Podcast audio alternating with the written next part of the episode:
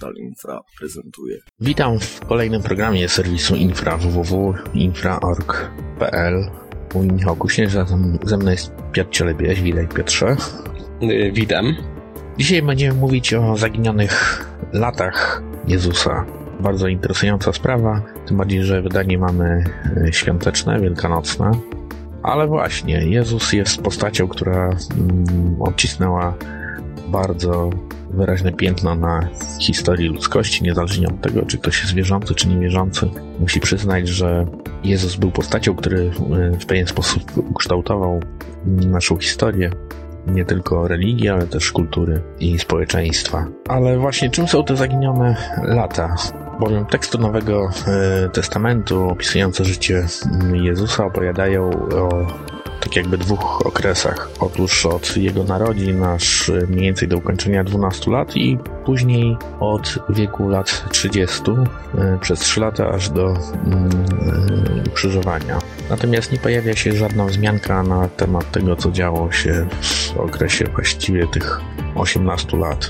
Rzecz jasna to rodzi wiele różnych spekulacji, e, które dzielą e, badaczy Pisma Świętego i Nowego Testamentu. Pojawiają się różne teorie, co mogło w tym okresie się wydarzyć.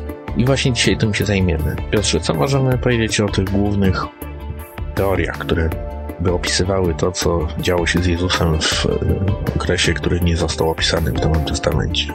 Właściwie tych teorii jest kilka. E, pierwsza mówi, że właściwie to nic się nie działo, a jego życie było dość prozaiczne i, i nieciekawe.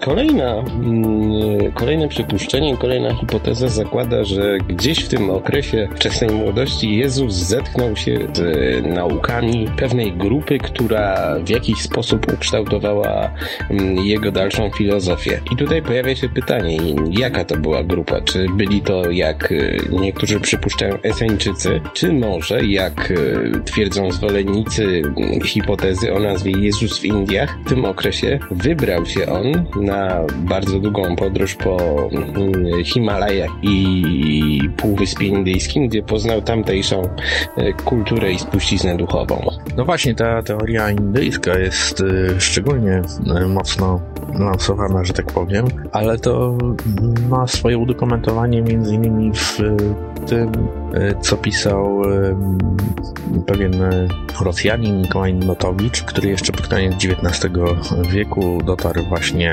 do stóp Himalajów, podróżował po Indiach, później był w Nepalu, w Ladaku i tam natknął się na pewne dokumenty, które miałyby świadczyć właśnie o tym, że swego czasu był tam rzeczywiście taki człowiek, którego zwano Issą. Przypomnijmy, że Issa to w języku chociażby arabskim jest imię Jezusa, który między innymi pobierał tam właśnie nauki. Notowicz bardzo się zainteresował tym tematem, czuł, że jest to coś, co w pewien sposób może, e, co może wywrócić rozumienie chrześcijaństwa i e, starał się zbadać ten wątek. I czy mu się udało? Zacznijmy może od tego, co mm, wiadomo. Wiadomo, że w Ewangelii świętego Marka i świętego Łukasza padają dwie wskazówki. Mm, pierwsza jest właściwie dość lapidarna. Odnosi się do tego, że mm, święty Łukasz wspomina o tym, że w tym okresie,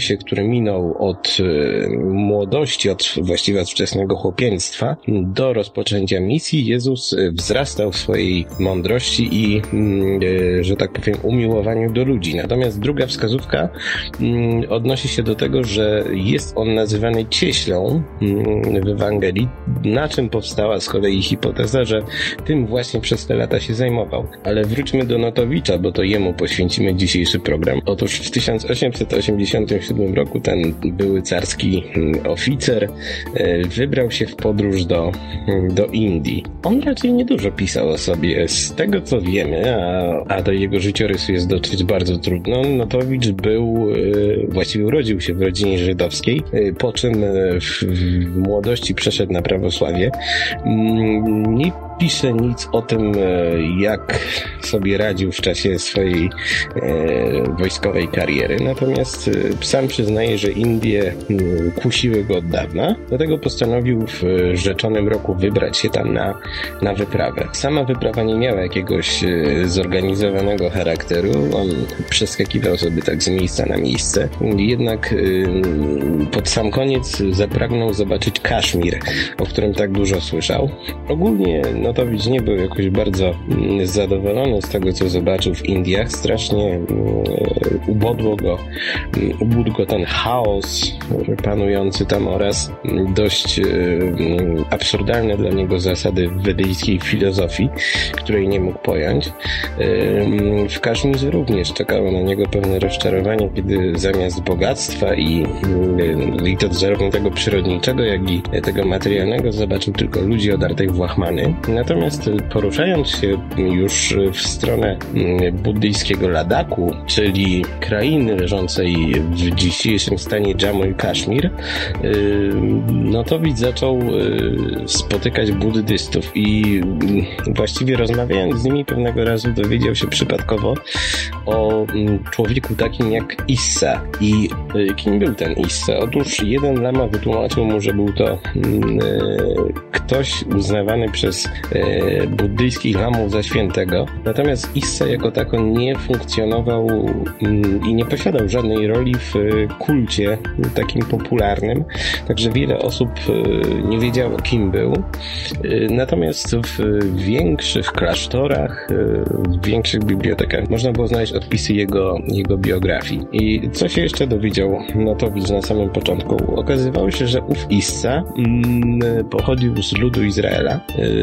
Jako dziecko przybył do Indii gdzie najpierw zapoznał się z naukami braminów, potem, ponieważ ich skrytykował za e, system kastowy, został wygnany z Indii i skrył się na jakiś czas w Himalajach, po czym wrócił do Ziemi Świętej, gdzie e, rozpoczął swe nauki wśród Żydów, za które został mm, ukrzyżowany. No i takim to sposobem Notowicz dowiedział się czegoś niezwykłego, bo ta historia no, pasowała w 100% praktycznie do, do tego, co wiemy o Jezusie Chrystusie. W dodatku samo imię tego mm, proroka Issa mm, pasowało do imienia, którym jest on określany w Koranie. Także no to widz zdawał sobie sprawę, że jest na tropie mm, potencjalnej bomby. No ale oczywiście musiał dotrzeć do, jakich, do jakichś potwierdzeń e, tych słów, najlepiej w formie pisanej. Dlatego też postanowił poszukać e, potwierdzeń i materiałów źródłowych.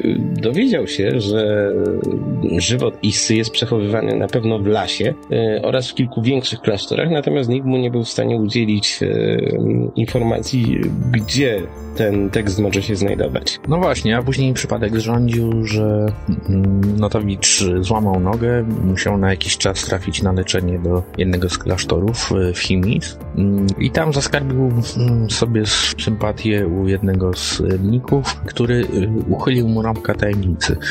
To znaczy po prostu przedstawił mu tekst dotyczący właśnie owego Issy. To było przełomowe, dlatego że później, tak jak Notowicz to opisał swojej e, późniejszej pracy. W zasadzie tam pewne fakty pokrywały się z tym, co dotąd właśnie było tym, tymi ukrytymi latami, tym ukrytym okresem żywotu Jezusa.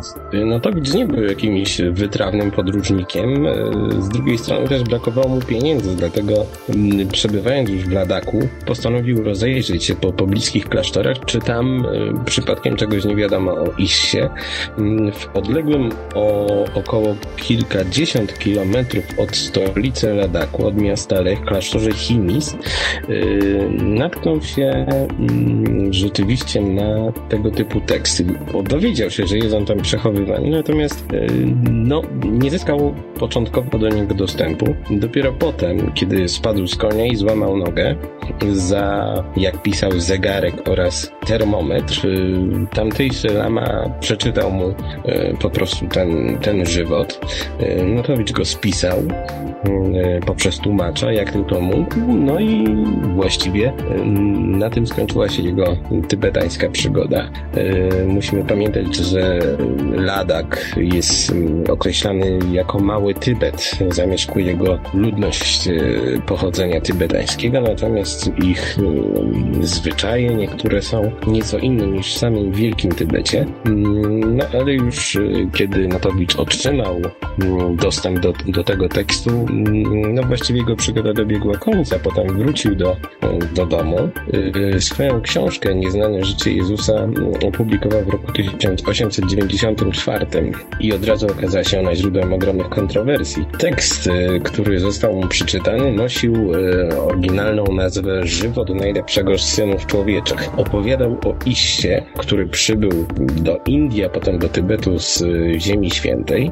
Sam tekst składał się z kilkunastu części. Pierwsze opisywały właściwie historię ludu Izraela od e, momentu wyjścia z Egiptu, ale już to, co się tyczy samego Issy, i tych najbardziej kontrowersyjnych mm, elementów, a więc wzmianek o tak zwanych zaginionych latach, mówi o tym, że w wieku 13 lat Issa, hmm, szykowany do żeniaczki, wybrał się z kupcami do krainy Sindh, czyli do hmm, zachodnich Indii, gdzie rozpoczął studiowanie, no możemy to tak nazwać, tamtejszej spuścizny duchowej. Początkowo Bramini przyjęli go z otwartymi rękoma, e, no ale z czasem, kiedy podróżował on po świętych miastach hinduizmu i kiedy przyjrzał się wewnętrznej strukturze tamtejszego społeczeństwa oraz wedyjskich nakazów, zaczął krytykować e, tamtejszy system. E, jak mówi źródło Issa, głównie nauczał e, najniższe kasty, głównie siódrów, co nie spodobało się z kolei braminom. Wiemy, że w pewnym momencie doszło do jakiegoś konfliktu między braminami i kszatriami a Jezusem został on wygnany z, z Indii i uszedł na północ w Himalaje. Mm, źródło następnie bardzo lapidarnie określa, co się z nim działo. Twierdzi się, że tam po mm, opanowaniu podstaw języka Pali e, zaczął on studiować e, buddyjskie sutry, po czym w wieku 29 lat wrócił z powrotem do mm, Ziemi Świętej, natomiast po drodze zatrzymał się jeszcze w Persji, gdzie te jego nauki dotyczące przede wszystkim e, równości wszystkich ludzi, poszanowania wzajemnego, poszanowania kobiet również wzbudziły wielki, e, wielki popłoch. Mm, następnie żywot Is e, opisuje krótko jego nauki, ale w sposób zupełnie inny niż czyni to Biblia, po czym następuje również nieco inny opis jego ukrzyżowania. A no właśnie, bo tutaj, tak jak można przeczytać w tym tekście, który zresztą mm, jest dostępny, można sobie znaleźć, Możemy przeczytać, że Piłat, bojąc się zemsty tłumu, wydał ciało świę, świętego rodzinie, która pogrzebała je blisko miejsca kaźni. Nieutuleni w płaczu ludzie przychodzili modlić się przy jego grobie. Po trzech dniach, obawiając się ogólnych rozruchów, namiestnik posłał żołnierzy, aby ciało Jezusa wykradli i pogrzebali w jakimś innym miejscu. Następnego dnia zgromadzeni ludzie E, znaleźli grób otwarty i pusty. Poszła wśród ludu wieść, że sędzia najwyższy wysłał swych aniołów, aby wynieśli śmiertelne szczątki świętego, w które wcielona była cząstka ducha świętego. To znaczy nie ma tu mowy o e, zmartwychwstaniu, tak jak to znamy z e, Nowego Testamentu, ale tam jeszcze wcześniej też jest parę takich elementów, które mm, nie do końca też się pokrywają z Ewangeliami. Mm, no jest to bardzo ciekawe, tylko na ile to w ogóle może być wiarygodne, jak, co o tym myślisz? Znaczy, czy ten tekst, który w zasadzie no nie wiadomo kiedy powstał, w jakim okresie, tylko czy nie był właśnie już pisany, że tak powiem, po po, fakcie, znaczy po, po tym, jak ukształtowała się w pewien sposób e, właśnie mm, Nowy Testament i, i cały kanon. No właśnie, to jest pewien problem, dlatego że ten tekst, jakby nie patrzeć, nie figuruje w żadnych indeksach pism buddyjskich i tak naprawdę do dzisiaj nie wiadomo, czy on istnieje, czy nie. Z tego, co się dowiedział Notowicz wówczas, y, był on kompilacją różnego rodzaju podań, nie miał określonego autora, ale co ciekawe, po tym jak Notowicz go wydał i potem jak wybuch, wybuchły te kontrowersje, o których mam nadzieję zaraz powiemy, kilka osób postanowiło zweryfikować istnienie tego tekstu i wybrać się w Himalaje, żeby po prostu potwierdzić, czy coś takiego jak żywot is istnieje. Natomiast nie jestem w stanie powiedzieć, czy to było prawdziwe, czy nie. Myślę, że jedynie odnalezienie tego tekstu i mm, jakaś jego analiza mogłyby na to odpowiedzieć, ale wydaje się, że jest on troszeczkę inny niż y, ta wersja ewangeliczna. Po pierwsze, nie ma w nim mowy o mm, cudach Jezusa. Jest co prawda jakaś wzmianka o mm, wskrzeszeniu jakiegoś człowieka, ale miała ona miejsce w Indiach. Ponadto te nauki Jezusa są dość takie szablonowe, to znaczy jest tam tego dość dużo, ale pojawiają się tam głównie takie, takie idee jak właśnie równość wszystkich ludzi, jak poszanowanie ziemi, poszanowanie y, kobiet, no i przede wszystkim y, monoteizm. Ta zasada jednego Boga była głównym chyba tematem eksponowanym w, tym jego, w tych jego naukach, ale mm, zauważmy też, że od razu pojawiły się pewne wątpliwości związane z tym, co Notowicz tam zawarł, dlatego że wiele osób nie było w stanie przyjąć do wiadomości tego, że mm, no, chrześcijaństwo mogło wyrosnąć na tak naprawdę mądrości wschodu, na buddyzmie i na hinduizmie, aniżeli na mm, judaizmie. E, no właśnie, ale może powiedzmy o tym, co się działo po publikacji pierwszej Notowicza. Oczywiście mm, spotkał się z falą krytyki. Niektórzy mówili, że mm, jego publikacja wręcz nie leży w interesie kościołów chrześcijańskich. Generalnie jest, znaczy zaczęto w ogóle kwestionować wiarygodność Notowicza, a nawet to, czy w ogóle był e, właśnie w Indiach, w Ladaku, czy w Tybecie. Ale wkrótce okazało się, że jednak e, coś w tym jest, dlatego że mm, pojawiło się kilku badaczy, którzy zaczęli potwierdzać to, że w istocie Notowicz e, mógł się zatknąć z czymś e, rzeczywiście oryginalnym. Pierwsze zarzuty wiązały się z tym, że Notowica w ogóle nie było w tym klasztorze, w którym pisał i rzeczywiście znalazło się wielu Anglików, którzy stwierdzili, że w ogóle byli w tym czasie gdzieś tam w okolicach i o nim zupełnie nie słyszeli. On się od tego odcinał. Wspominał nawet z imienia i nazwiska w kolejnych publikacjach e, osoby, które e, stanęły na jego drodze, ale co jeszcze? Zaraz po powrocie, po spisaniu tego, mm, tego dzieła i swoich przygód, Notowicz e, rozmawiał z kilkoma duchownymi takich wysokiego szczebla, m.in. z patriarchą Kijowa oraz z dwoma kardynałami. No i dowiedział się od nich pewnej e, smutnej prawdy, mianowicie takiej, że ten tekst jest po prostu mm, no, niewygodny.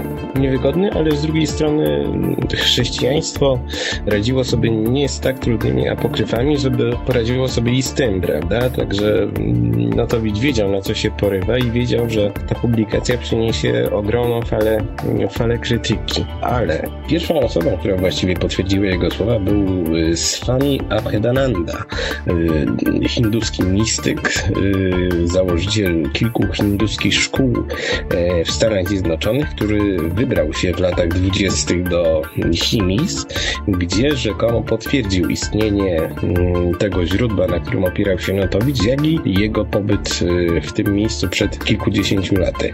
Co ciekawe, i chyba co ważniejsze, legendy o Issie, chociaż jakby w mniejszym stopniu, bo Abhedananda dotarł do tego źródła i je przetłumaczył. Natomiast druga osoba, o której e, mówię, czyli Nikołaj Relich, bardzo znany mm, rosyjski malarz, mistyk i pisarz, podczas swoich podróży po Himalajach również natknął się na legendy o Issie, e, które właściwie pokrywały się z tym, co, co mówił Notowicz, natomiast on jako tako nie dotarł do nich Y, w formie pisanej. No właśnie, ostatecznie ta e, cała historia z e, tak zwaną Ewangelią tybetańską e, została odłożona gdzieś tak na boki, tylko niektórzy historycy starają się tym e, zajmować. Cały czas e, głównym jakby nurtem e, w badaniach tych e, tajemniczych, zaginionych lat e, Jezusa jest to, iż e, być może znajdował się wówczas w sekcie Esańczyków, która mogła mieć bardzo poważny wpływ na kształtowanie właśnie jego późniejszych nauk. Ale jeszcze jest jeden ciekawy wątek.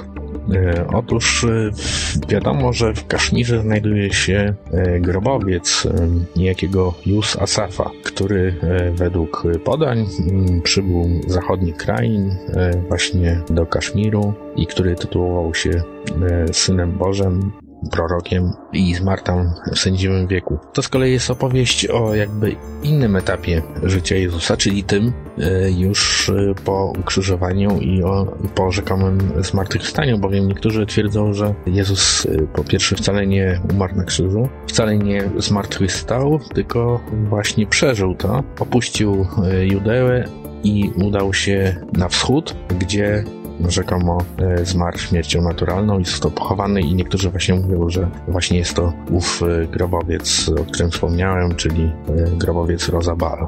Grobowiec Rozabal, który znajduje się w Ślinagarze, rzeczywiście istnieje i rzeczywiście kryje w sobie zwłoki niejakiego Jus Asafa, natomiast nikt nie jest w stanie powiedzieć, kim był ten Jus Asaf. Wersja o tym, że był to Jezus, który po ukrzyżowaniu przeżył i wrócił w swoje, że tak powiem, dawne strony, spopularyzował e, założyciel takiej muzułmańskiej sekty Ahmadiyya, który twierdził właśnie, że w ten sposób e, założyciel chrystianizmu dokonał żywota. Ale tak naprawdę tekst odkryty przez Notowicza o tym nie wspomina i nie wiemy, o czym tak naprawdę świadczy istnienie tego grobu, tym bardziej, że i Rerich, i Notowicz e, w tych okolicach byli i nic o tym nie wspomnieli. No właśnie, więc to nadal pozostaje zagadką i zobaczymy, czy któryś z badaczy, naukowców wreszcie postanowi ją e, rozwiązać. W każdym razie e, owe zaginione e, lata mm, Jezusa wciąż pozostają tajemnicą. Nie wiemy, co się wtedy działo, czy rzeczywiście, tak jak mówiłeś Piotrze na początku, po prostu praktykował zawód cieśli, jednocześnie rozwijając swoje mm, swoją wiedzę, czy też udał się w daleką podróż e, do wschodnich krain, a niektórzy mówią, że w owym czasie również e, być na Wyspach Brytyjskich, bo też i takie teorie się pojawiają, ale to już jest temat też na, na osobny program. No nic, będziemy czekać na kolejne doniesienia badaczy, naukowców. Dziękuję Piotrze. Ja również dziękuję.